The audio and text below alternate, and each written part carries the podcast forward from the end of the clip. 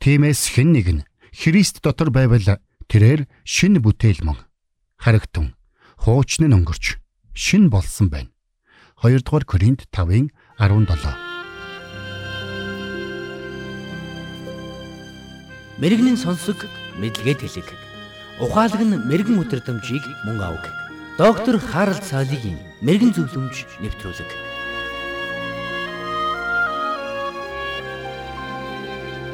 Есүс нэгэн удаа шавнараа уулын орой дээр дагуулan гараад тэднийг сургаж тэдэнд сүнсэндээ ядуу хүмүүс ерөөлтэйе.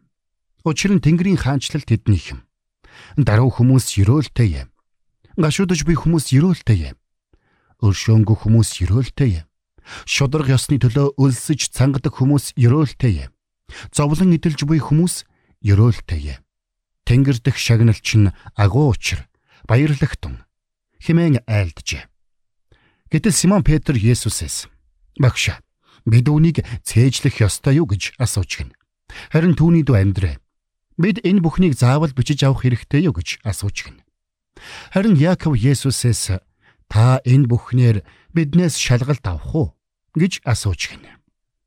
Филипч тэр цаанаас надад бичиж тэмдэглэх балцаас байсангүй хэмээн шалтак тоочсон бол Йохан багшаа Та ягаад дандаа биднэрт ингэж нэмэлт хичээл зааж байдаг юм бэ гэж гомдолж гин.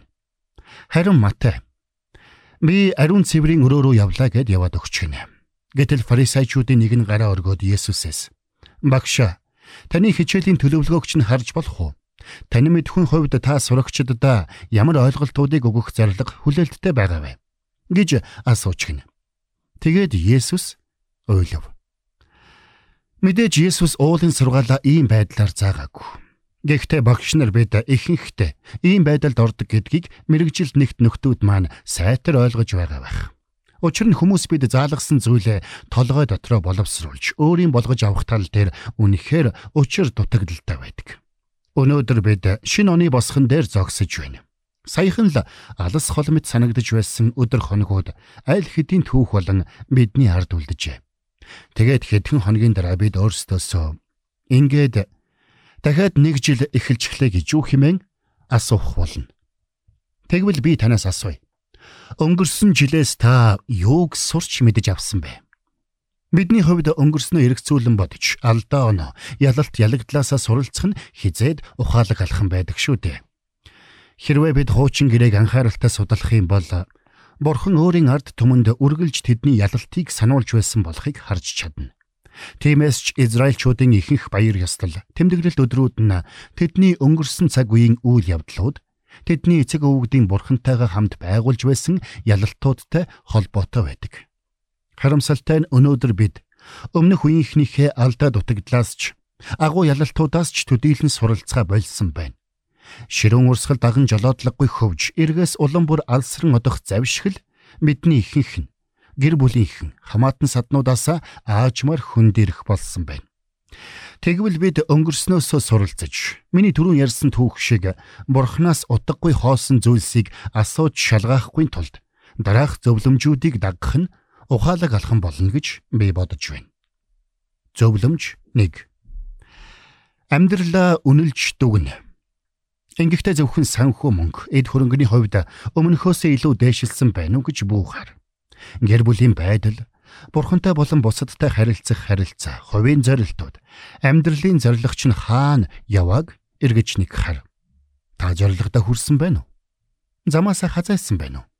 Эсвэл бүр замаа алдаад төөрчихсөн байна уу? Зөвлөмж 2.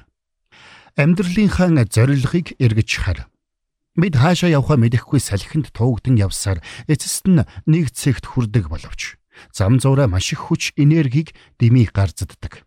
Тиймээс бид эхнээсээ ухаалаг байж амьдралын зорилгоо ухаалгаар тодорхойлох нь чухал юм. Тэгэхээр та бал цаас гаргаад гурван игнэ болгон босоо шугам татаарай. Тэгэд ихний багны дээр миний амьдралын одоогийн нөхцөл байдал хэмээн гарчиг тавь. Харин хоёр дахь багны дээр Миний амьдрал дараа жил ийм болсон байгаасаа гэж хүсэж байна гэсэн гарчиг тавь. Харин 3 дахь багны дээр би энэ зорилгодоо яаж хүрэх вэ гэсэн гарчиг тавь. Тэгээд баган тус бүрт тохирох зүйлсийг жигсааж бичээрэй. Зөвлөмж 3. Бурхныг амьдралынхаа гол хамтрагч болго. Есүс нэгэнтээ гагцхүү ихлээд Бурхны хаанчлал ба зөвхт байдлыг хайхтун. Тэгвэл энэ бүхнийг та нарт нэмж өгөх болно. Матай 6-гийн 33 химэн айлдсан байдаг. Бидний ихэнх алдаа Бурхны дуу хоолойг сонсоогүйгээс болдог гэдэгт би хувьдаа итгэлтэй байдаг. Мэд ихэнх тохиолдолд өдөр тутмын амьдралынхаа дуу чимээ, хувийн амбицаасаа болоод Бурхны дуу хоолой мэрэгэн өдөрдмжийг сонсолгүй өнгөрдөг. Тиймээс Бурхны дуу хоолойг сонсож сурахад та илүү их цагийг зарцуулаарай. Үнэхээр хэн нэгэн хүн Христийн дотор байгаа бол тэр хүн шинэ хүн болсон байна. Хуучин нь улиран одож тэр хүн цоо шин амьдрал, цоо шин хувь тавиланг хүлээн авсан. Бурхны нэгүслийн гайхамшиг чухамдаа үүндэл оршдог билээ.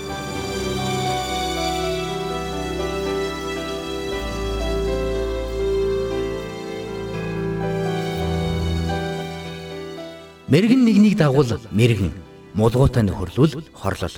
Доктор Харалт цайлигийн мэрэгэн зөвлөмж нэвтрүүлэг танд хүрэлээ.